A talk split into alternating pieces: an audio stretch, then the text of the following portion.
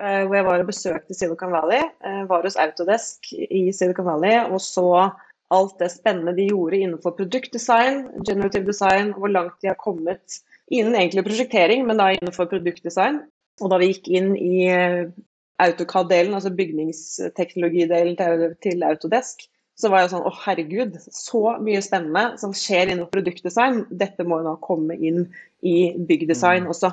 Eh, og da jeg kom inn i det rommet, så ble jeg altså så skuffa, for der var det ingen planer om å lage noe annet enn et 3D-modelleringsverktøy.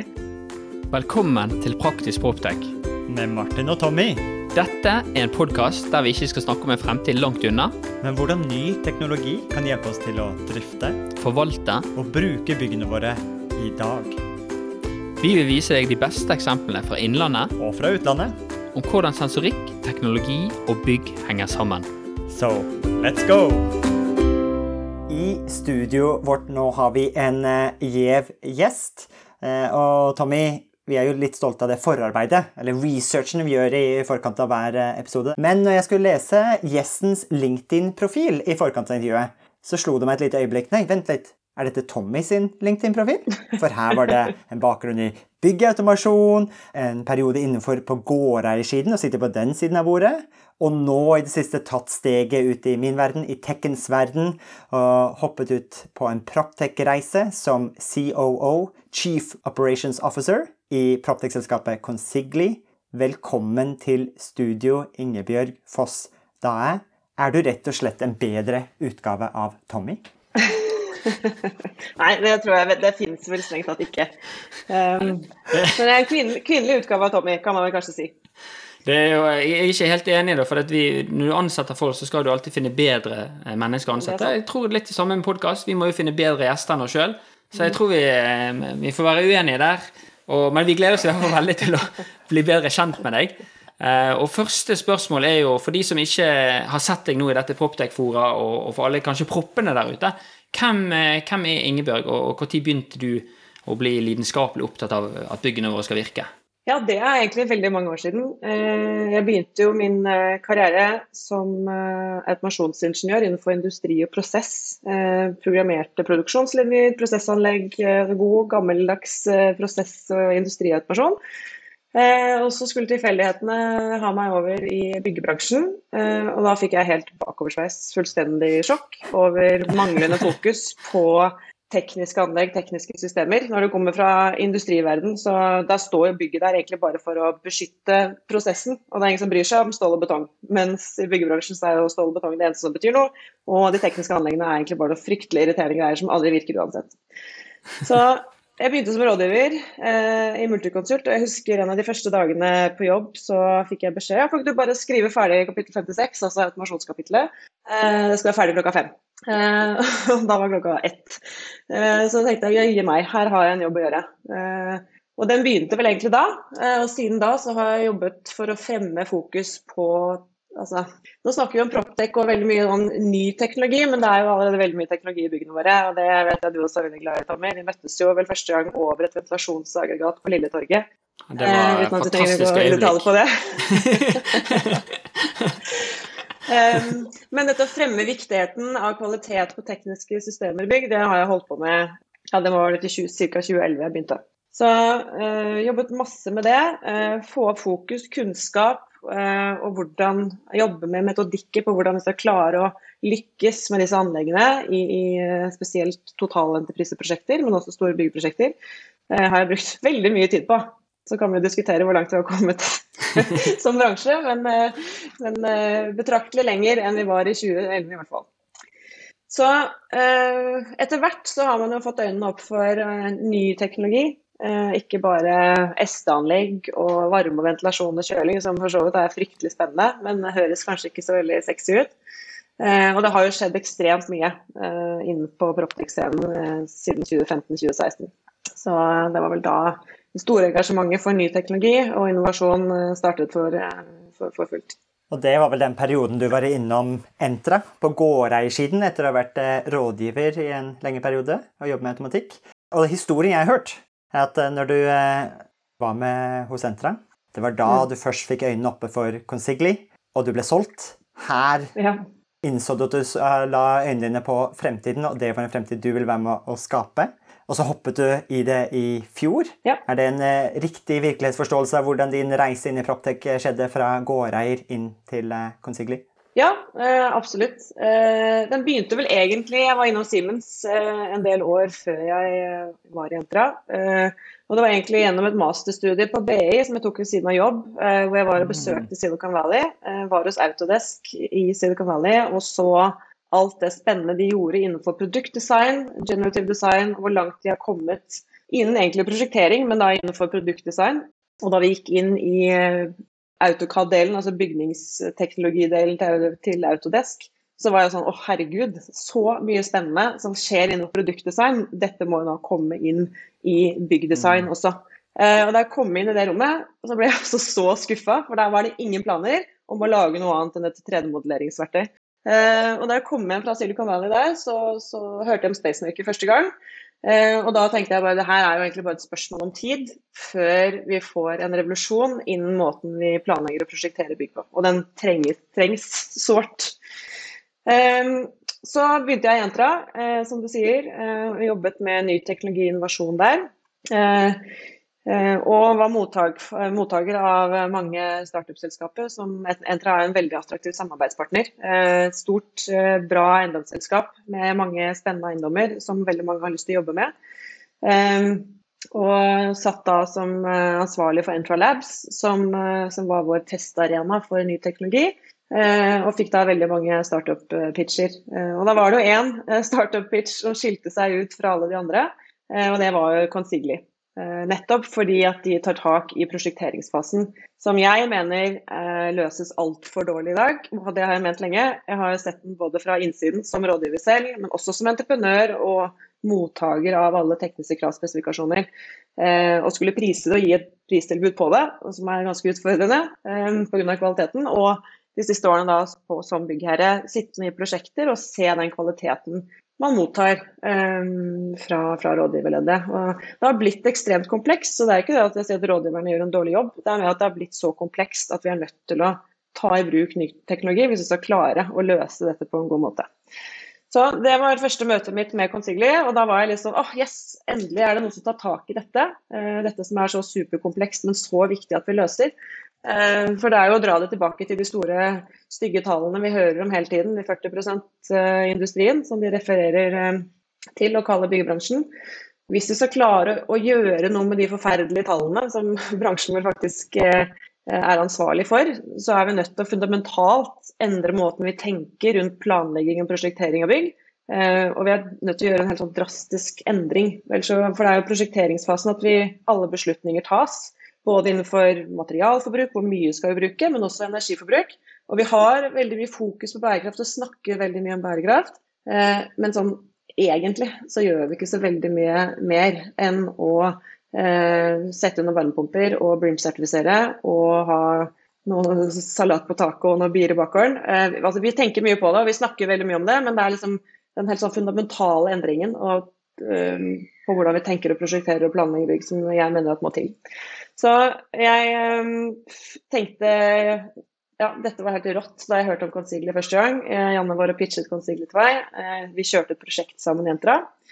Eh, og på slutten av det så tenkte jeg at dette kan jeg faktisk ikke la gå. Og nøkkelen her er vel den samhandlingen som du prater om. Jeg tror vi samme ser innenfor eiendomsteknologi. Vi prøver å løfte fram her må vi både ha en fot fremover med teknologi, digitalisering, og også fagkunnskapen, eller eh, i samarbeidet her så blir jo jeg tekken og så Tommy proppen. Men, eh, men, vi ser jo hvor komplekst alle de fagområdene som skal inn til å kunne få et bygg til å tikke og gå og fungere, og vi legger jo bare på mer og mer. og pra Du prater om mm. river og ribber og rier. og jeg tenker også nå, Vi trenger jo snart en eh, rioter.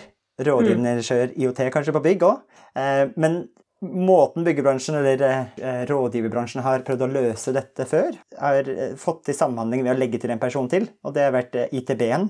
Så prøver dere nå egentlig å se her istedenfor å prøve å løse de problemene vi ser med økt kompleksitet i byggene, så er Consiglio eh, en mer digital eh, løsning enn å bare legge på enda en person inn i den miksen. Ja, jeg var helt enig. Det, jeg, jeg, har jo, jeg har jo, vi hadde jo en ITB-koordinator sist gang med oss, Asbjørn Moland.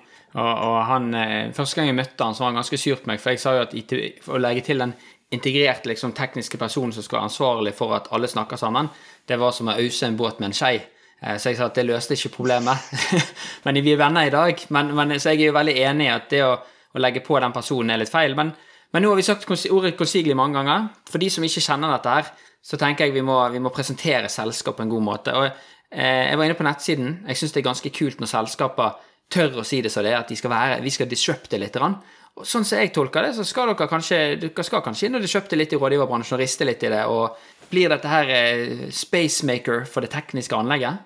Ja, det er det veldig mange som spør uh, også om, og veldig mange som refererer til Spacemaker. Det går vel ikke an å snakke om Proptech uten å dra den referansen. Uh, og det de gutta har fått til, er jo helt, helt rått. Um, så ja, på en måte så, så er jo det uh, Vi er jo kraftig inspirert av dem også, å få til det de har gjort på volumstudier og, og topputnyttelse på innsiden.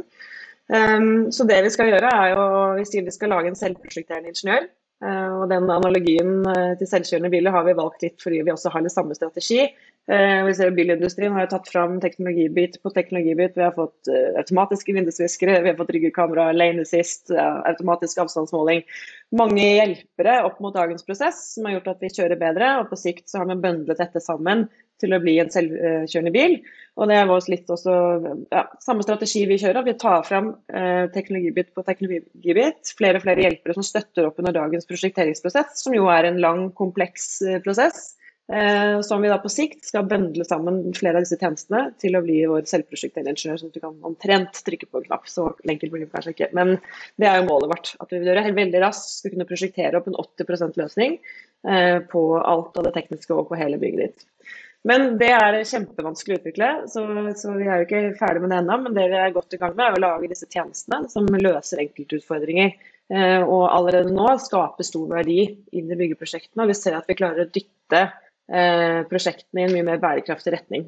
Og at vi klarer å hente ut større potensialer og klarer å redusere materialforbruken og energiforbruken i de tekniske anleggene betrakter vi allerede nå. Så det er veldig, veldig gøy. Så Sånn kort, eh, enkelt forklart, eh, så skal vi flytte eh, bransje, byggebransjen fra klassisk ingeniørprosjektering til maskinprosjektering. Så det er det målet vårt er, og det er det vi skal gjøre. Og vi ser jo sett det innenfor produktdesign, så ser vi jo at når vi bruker maskinene til å prosjektere, så det som kommer ut ser helt speisa og helt annerledes ut enn det ingeniørene hadde klart å lage. Men vi oppnår jo materialreduksjoner på opp mot 70% og lager produkter som har bedre eh, egenskaper enn det vi klarer med ingeniørprosjektering. Så det er jo fordelen med å bruke matematikk og kunstig intelligens, eh, fordi at vi klarer å håndtere en kompleksitet som ikke hjernene våre klarer å forholde seg til. Eh, vi ser jo nå, vi jobber jo mye med optimalisering av planløsninger og tekniske anlegg. Eh, og vi ser jo Det er jo 95 000 milliarder ulike kombinasjoner av en planløsning. ikke sant? Eh, og da, det, da, sier det seg selv at det klarer jo ikke menneskehjernen å forholde seg til. Og ikke har i hvert fall ikke tid til å utrede alle de alternativene i et klassisk byggeprosjekt. Det var vel egentlig Robert Skramstad som eh, utfordrer oss eh, veldig entusiastisk til å ta en prat. Mm. Dere har jo tatt den norske Proptech og Contech, Construction Technology-scenen med storm de siste årene, eh, nylig hentet 30 millioner kroner til å fortsette den veksten. Mm. Du har nettopp kommet ned fra Hemsedal, Fyri hotell, med kremen av norsk eiendom innenfor både besittersiden og på teknologisiden, og presentert. Mm. Eh, og forrige uke ble dere også nominert til Nordic Proptech Award 2023. Og ikke nok med det, eh, dere har allerede flere av de store eiendomsaktørene på kundelisten. Store mm. Oslo Eiendom, Entra, Møller Eiendom, Buchardt. Mm. Den nerven dere har truffet på, eh, oppsummerte Robert Skamstad på telefonen tidligere i dag eh, ganske godt. Ingebjørg hun har erfart mye av de samme frustrasjonene vi i Maling og co. Eh, ser hele tiden når vi skal ta over bygg etter prosjektet er ferdig. Om igjen og om igjen, og de ønsker virkelig å gjøre noe med det. Hvilke problemer løser dere? Ja, hvor skal jeg begynne egentlig? Um, nei, det problemet som oppstår med, med ingeniørprosjektering er jo at vi, vi, bygger jo i dag med masse feil. Det er mye feilprosjektering, rett og slett pga. kompleksiteten. Det er for mye å håndtere. Eh, det gjøres veldig mye eh, Skal vi se, nå bare popper det opp et eller annet på skjermen min her. Sorry. er, det, er det annonse fra Praktisk Proptek som kom ja, det blir som virus? Eh, jo, problemet vi løser, det er egentlig flere problemer. Eh, vi har jo Våre første produkter i markedet har jo egentlig vært en kvalitetssikring eh, og en risikoanalyse av store dokumentpakker som vi tar fram eh, i et klassisk byggeprosjekt. Eh, vi har en eh, kvalitetssikring av konkurransegrunnlag hvor vi finner masse risikoelementer Eh, egentlig så tenkte vi at vi skulle begynne å samle inn konkurransegrunnlag for å bruke det som treningsdata til eh, maskinen vi bygger eh, innenfor prosjektering. Men det er så mye feil og mangler i konkurransegrunnlagene at det var egentlig sånn den første tjenesten vår ble født. Og det vi ser etter er motstridende tekster. Et sted så står det at bygg har ansvar for dette, leveransene et annet sted står det at entreprenøren har ansvar for det samme. Vi ser at det refereres til gamle standarder, utdaterer til standarder, produktspesifiseringer i offentlige anskaffelser som jo ikke er lov. Eh, massevis av vage formuleringer som ikke vil gi deg noen juridiske tvister. Eh, ja, det er en hel haug av risikoelementer som vi finner i konkurransegrunnlagene. Eh, som vi ser at vi skreller bort risikoelementer for mellom 3 til 5 millioner kroner i nesten alle prosjektene vi risikoanalyserer. Så har vi laget det samme for tilbud, innkomne tilbud. Matcher det opp mot konkurransegrunnlaget. Hvilke risikoelementer, skjulte priser, skjulte påslagsprosenter og andre risikoelementer finnes i tilbudsdokumentasjon. Ehm, vi har også utarbeidet en, ehm, en sammenligningsfunksjon mellom leietakerkravspesifikasjoner og konkurransegrunnlag. Eh, en funksjon som jeg vet er veldig savnet for alle som sitter med mottar motta leietakersøk. For det er også en veldig stor utfordring i byggeprosjekter i dag at man har en leietakerspesifikasjon eh, som en leietakerrådgiver har utarbeidet, og så har du konkurransegrunnlaget på andre siden. Eh, og så er det ofte masse mismatch mellom disse kravspesifikasjonene. Og I verste fall så har iallfall jeg sett eh, flere ganger at man har endt opp med å rive det som faktisk er bygget, fordi at det er motstridende lydkrav, det har vært produktspesifisering i leietaker, du skal ha et HTH-kjøkken, og så har du egentlig fått noe annet, for i konkurransegrunnlaget så har du beskrevet noe annet. Så dette har jo faktisk direkte impact på, på eh, fotavtrykk ved at vi slipper å rive og gjøre faktiske feil, som det gjøres ganske mye av i, i byggeprosjekter. Eh, I tillegg så sjekker vi eh, dokumentpakker i en due diligence-fase, i en kjøpsfase. Vi har en tjeneste for det også, og vi har også en tjeneste for å sjekke FTV-dokumentasjon. Vi ser at i FTV-dokumentasjonen så ligger det veldig mye som har innvirkning på eh, livssykluskostnadene. Mye ansvarsfraskrivelser innenfor garantier osv. Mye risiko som egentlig ligger i den FTV-pakken, Eh, som man egentlig kanskje helt aldri tar seg tid til å lese gjennom. Som er veldig nyttig å få. Så Det er liksom de første tjenestene vi tok ut i markedet, som er basert på tekst eh, og språkgjenkjenning og en gren innenfor kunstig intelligens som heter natural language processing. Eh, som vi bruker til å forstå og lese tekst. Og Grunnen til at vi gjør det, er egentlig fordi at eh, alle kravspesifikasjoner, reguleringsplaner, alt av informasjon som vi trenger når vi skal drive med faktisk prosjektering, det står i tekst. Så vi er nødt til å lese, kunne lese og forstå tekst for å kunne hente all den informasjonen vi trenger inn for at uh, maskinen vår skal kunne gjøre, faktisk gjøre prosjekteringen. Veldig spennende, da. Det, når, du nevner denne modulen med bygget og sånn, så er jo det høres ikke ut som, det høres ut som ryggekameraet er kommet, og, og avstandsmåleren er kommet. og Dere har egentlig fått ganske mange eh, verktøy på plass allerede. da. Eh, og det som jeg, ja. Hvis jeg skal slå litt paralleller til når, når jeg var, så denne Proptech-bølgen komme inn, sant, med alle disse sensorene som kunne vise oss hvordan byggene var, og hva som var feil, Eh, så tenker jeg også at, Og det var jo en verktøyskasse som nå i dag drift og rådgivere tar i bruk. Eh, dette, kan dette bli en verktøyskasse som, som, rådgiverne tar i bruk, som egentlig lager superhelter ut av rådgivere, eller hvordan ser du på det? Um, ja, godt spørsmål. Akkurat nå er kundene våre byggherrer. Uh, og det tenker jeg egentlig at vi skal fortsette med en stund til.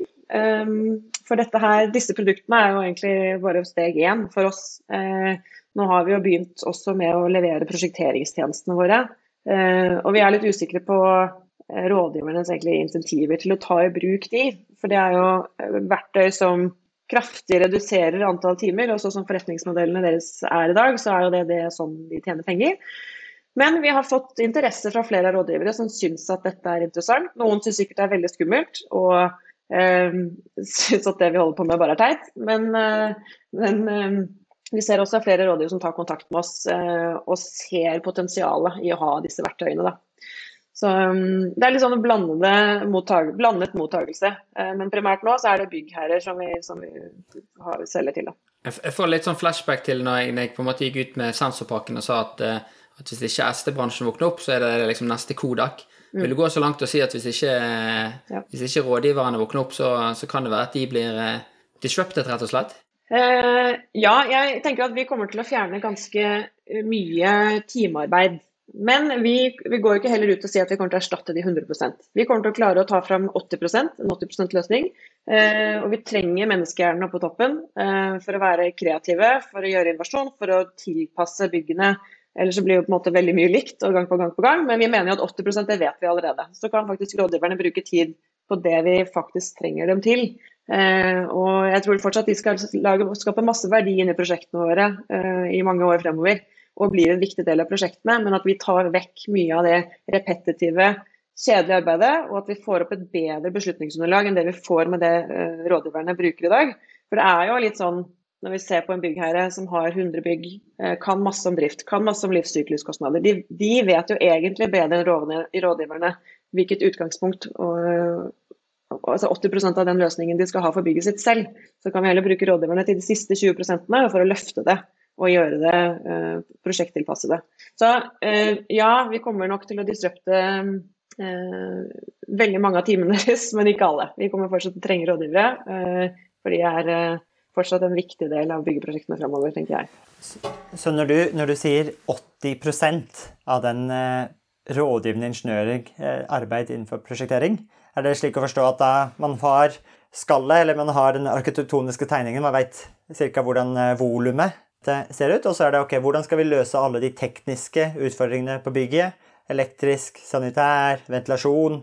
Eh, dere kan komme med forslag eller be, eh, utarbeide de tegningene spesifikasjonen. Det er det som er visjonen til Consigli. Å få, eh, som du nevnte tidligere, at det er egentlig den spacemaker-automatikken i å kunne optimalisere hvordan man plasserer føringer, man plasserer, hvor plasserer man tekniske rom, hvordan legger man opp et teknisk rom. Er det er det, det som er sluttresultatet. Ja, og at vi kan ta fram det optimalisert og få, få kraftig redusert ned materialforbruket og energiforbruket vi bruker på å dytte all dette vannet og all denne luften rundt i bygget. Eh, for det er, Se på teknisk prosjektering i dag, så er det ingen som har et overordnet ansvar for å jobbe med optimalisering og redusere materialforbruket. Det er liksom vi snakket om innledningsvis. Vi dytter egentlig bare mer og mer inn. Eh, har Eh, ser vi på BIM-modellen av bare elektro- og VC-installasjoner, så kjenner vi fortsatt igjen bygget. Altså, vi kjenner igjen bygget. Vi trenger jo nesten ikke stål og betong lenger, for det er så mye. Eh, og hvor er liksom bærekraften i dette? Vi ser på, Hvis vi kikker opp i takene i kontorbyggene våre, så bruker vi unødvendig mange meter med ventilasjonskanaler. Unødvendig mange meter med rør. Eh, jeg, ser, jeg sitter og ser på et bilde jeg har her nå. Et godt eksempel jeg tok på et bygg i forrige uke, hvor vi har klart gjennom hele bygget å snu luften 180 grader tilbake. Fordi første eh, Rett og slett fordi man har copy-pastet. På det ene stedet så var det sprinkleranlegg som krasjet, så da måtte vi snu det litt. Og så har vi copy-pastet det på tegning og i bymodellen hele veien nedover. Så gjennom hele bygget så bruker vi en 180 graders vinkel på ventilasjonskanalen. Det er unødvendig mange meter, og veldig unødvendig å snu luften 180 grader tilbake, for det krever en del ekstra energi. Så det bare mangler en sånn helhetlig tankegang på hvordan vi kan optimalisere og forbedre og faktisk redusere materialforbruken innenfor tekniske anlegg. Det, ansvaret er det ingen som har i dag, og det tenker jeg at vi eh, skal kunne bidra kraftig til å få redusert. Så Vi jobber jo med teknisk eh, prosjektering og uttegning av tekniske føringer. Eh, ventilasjon, sprinkler, vi skal ta elektro og sant, alle fag. Men det vi også ser at vi må gjøre, er planløsningene. Så Vi har også en optimaliseringsmodul for å se på planløsninger, hvordan vi kan optimalisere romløsninger best mulig. Fordi det henger så tett sammen med teknisk installasjon. Vi hadde egentlig ikke tenkt å ta det først, men vi ser at det er liksom litt høna og egget. Så Visjonen er at vi skal raskt kunne først få et beslutningsgrunnlag på en god planløsning, optimalisert planløsning. Så kan en rådgiver, en arkitekt eller byggherren selv kna dette litt. Eh, iterere og kna løsningen. Og så, basert på planløsningen, skal man raskt kunne få opp et forslag til hvordan tekniske føringer kan tegnes ut og prosjekteres eh, inn i bygget. Så vi kutter jo eh, prosjekttiden her med mange, mange måneder, kanskje år. Og det i tillegg til at vi klarer å redusere materialforbruket og energiforbruket betraktelig. Nå hadde du veldig konkret eksempel på hvordan du får den materialgevinsten ved å optimalisere Eh, ventilasjonskanaler. Plassering av ventilasjonskanaler. Så hadde du et eksempel på hvor eh, det å gjøre det manuelt eh, noen ganger resulterer i at man ikke får den optimale plasseringen. Kunne du delt det bildet med oss, så kan vi legge det i shownotes? Vi, vi prøver å få med lytterne på en visuell reise med alt det, alt det bra. Jeg, jeg, leser disse åtte pillerne i, i tjenesteplattformen deres. Og vi har nok eh, sikkert vært inne på, på noen av de, sant, der dere finner motstridende ting, dere finner tilbudsunderlag som er feil. Um, hva, er den, hva, er den, modulen som, som, du er på en måte mest fornøyd med? Er det, er rygge, hvor er ryggesensoren? Eh, jeg er egentlig glad i alle modulene våre, men, eh, men jeg syns jo det er jo altså prosjekteringsløsningene våre som er eh, helt rå. Og det er jo sånn vi skal endre verden. Vi skal jo også Nå sjekker vi jo konkurransegrunnlag, men vi er ikke så veldig langt unna å kunne generere de heller, og det er jo planen. Så dette er veldig mange av disse tekstprosesseringstjenestene våre er jo sånn steg på veien som kan hjelpe oss masse allerede. Litt sånn lavt hengende frukter. Men det er jo deep-techen vår, prosjekteringsbiten, som er uh, det aller, aller mest spennende, som er aller morsomst å jobbe med. Helt klart. Og det som kommer til å løfte bransjen og flytte oss i riktig retning i forhold til de bærekraftssteg, altså stegene mot uh, å redusere materiale- og energiforbruk som vi er nødt til å ta. Så det er det som er uh, aller morsomst å jobbe med, helt klart. Det er jo litt, Når du er inne på tekniske anlegg, har dere òg en løsning som gjør at Eh, og dette er jo sånn som alle gårdeiere er. Det, er jo, det beste ventilasjonsanlegget det er det ventilasjonsrammet som ikke finnes i et bygg, for da får du leie det ut. Har dere en løsning som òg gjør at, at, tekniske anlegg blir At du bruker effektive arealer på det? Er det noe som dere har på agendaen, eller har løst? Ja, ja, det har vi allerede. Vi har en modul som optimaliserer teknisk rom. Det glemte jeg å nevne. Eh, hvor, og det var jo egentlig det prosjektet vi kjørte sammen med eh, da jeg var Entra. Vi kjørte med Consigli, var en optimalisering av teknisk rom hvor vi ser på kan vi gjøre teknisk rom mindre, men også til en bedre arbeidsplass. Eh, vi ser veldig ofte at man drar vannledningene rett over elektrotavla. Veldig dårlig det. Eh, eller at du plasserer ventiler som trenger daglig tilsyn eh, fire meter opp i taket. Altså, det er ikke gode arbeidsplasser, for det er heller ingen som har ansvar for å gjøre teknisk rom til en god arbeidsplass. Ser vi på skipsindustrien, altså er ingenting overlatt til tilfeldighetene. Der skal bare alt funke, alt skal være optimalisert, alt skal være optimalisert på areal og plassering og i forhold til driftsintervaller osv. Så, videre. så det var, er, en tjeneste som vi har tatt fram. Rett og slett optimalisere teknisk rom eh, for å få det minst mulig, kortest mulig rørstrekker også inne i rommet. Men også til å gjøre det en god arbeidsplass i forhold til driftsintervaller og driftsrutiner.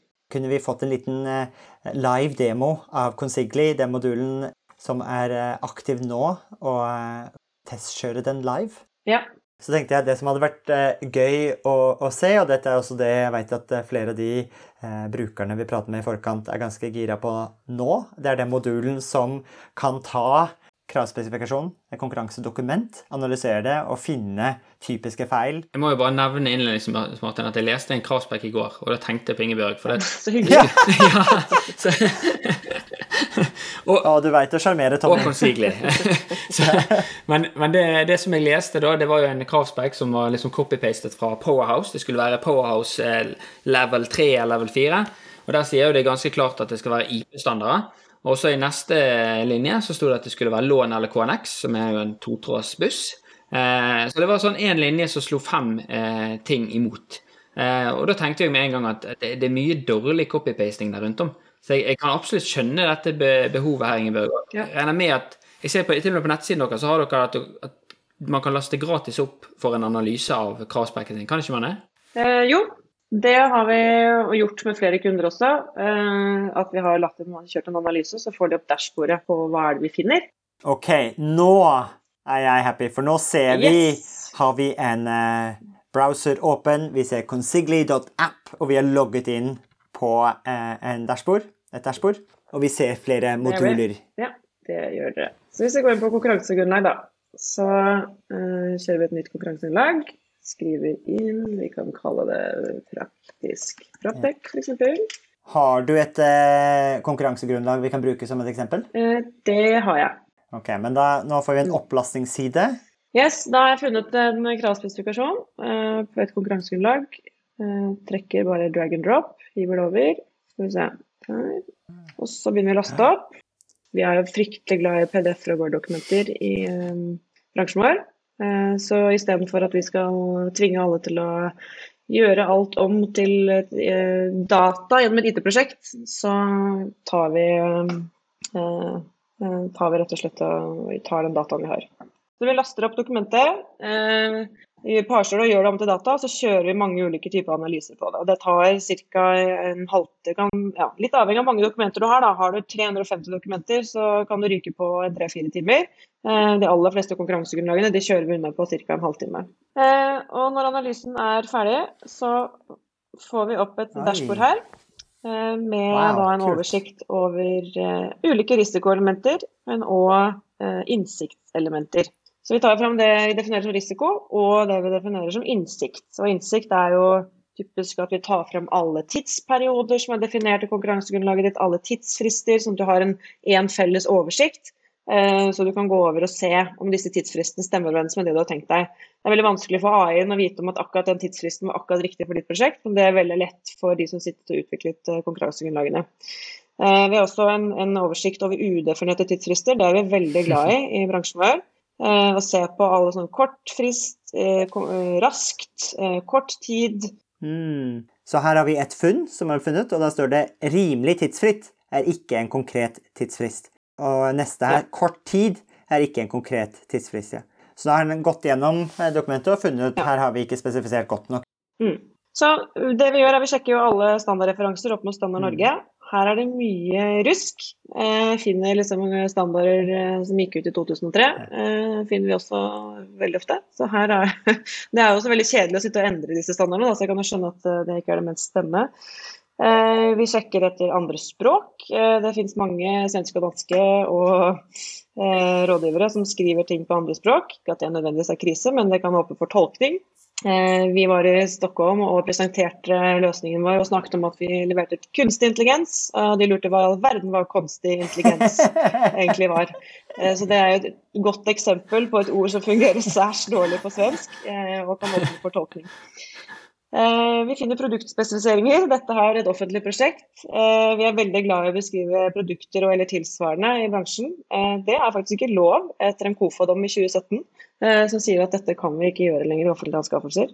Det er det ikke så mange som har fått med seg. Jeg har spesifisert et produkt og eller tilsvarende som har vært egentlig bransjepraksis i mange år, men nå er det ikke lov lenger. Det skal være helt umulig å beskrive et produkt av funksjonen til produkt uten å henvise til det for at det skal være lov. Så her tar vi frem alle steder. Det er enten skrevet en ren produktspesifisering eller, eller, sånn, eller tilsvarende. Det, for private så har ikke det en risiko, så da tar vi ikke det fram i samme grad. Men, eh, men for de offentlige så er det en, en risiko. Uh, vi ser på uklare formuleringer. Bør, des, uh, helst, så langt som praktisk mulig. Det er utrolig mange her, ser vi i dette caset har vi 91 sånne vage formuleringer.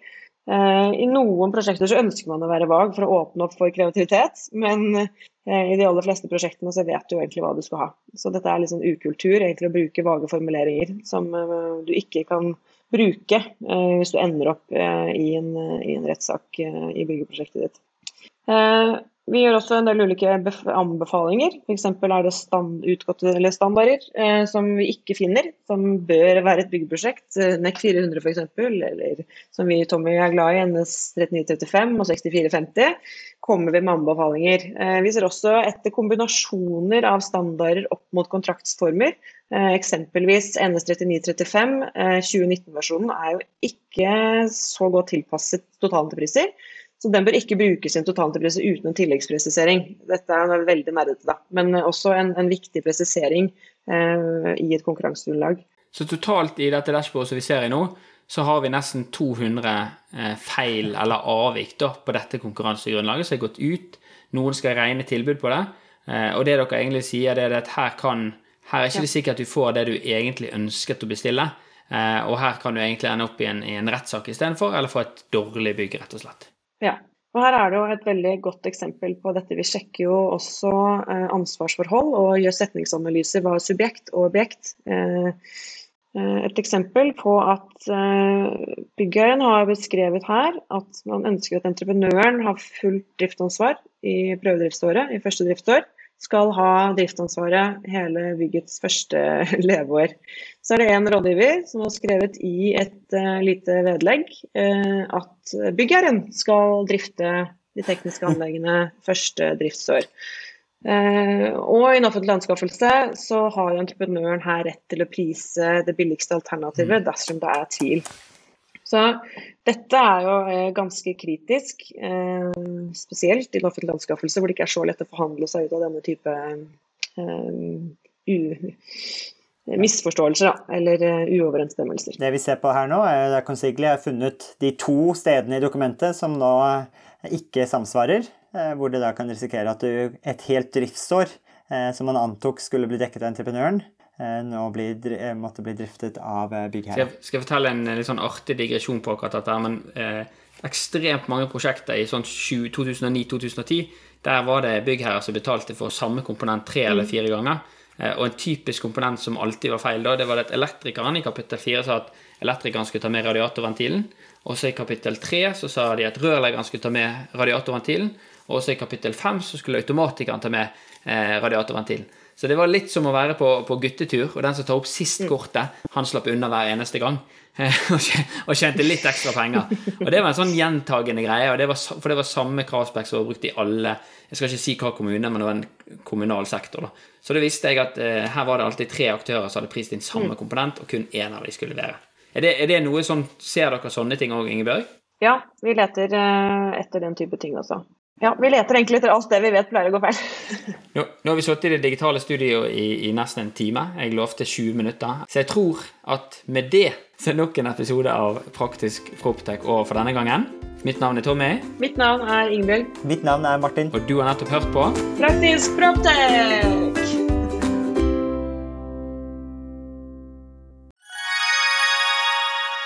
Da dere er 2024 i gang, og et av høydepunktene på starten av året er jo sett sammen et årshjul, og det har vi også gjort, Tommy.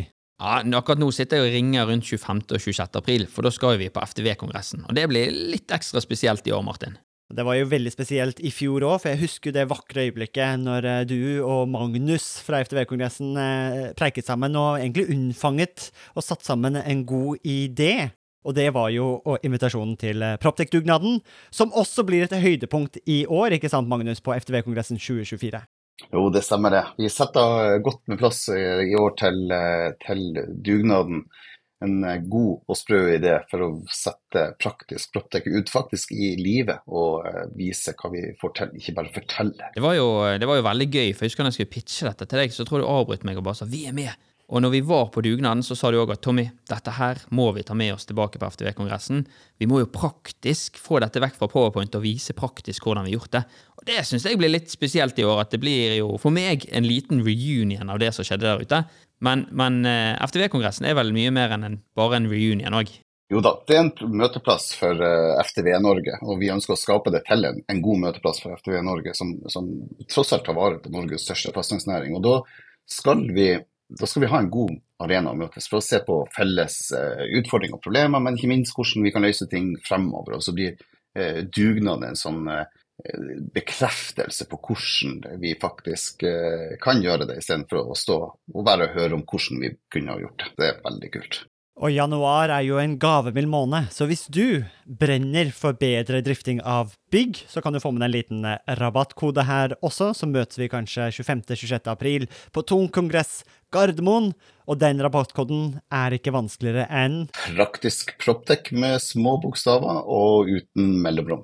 Praktisk Proptech. Praktisk Proptech, små bokstaver, ingen mellomrom ett ord. ftvkongressen.no, der ser du programmet, det blir oppdatert i disse dagene, og så møtes vi i april. Vi ses! Vi ses!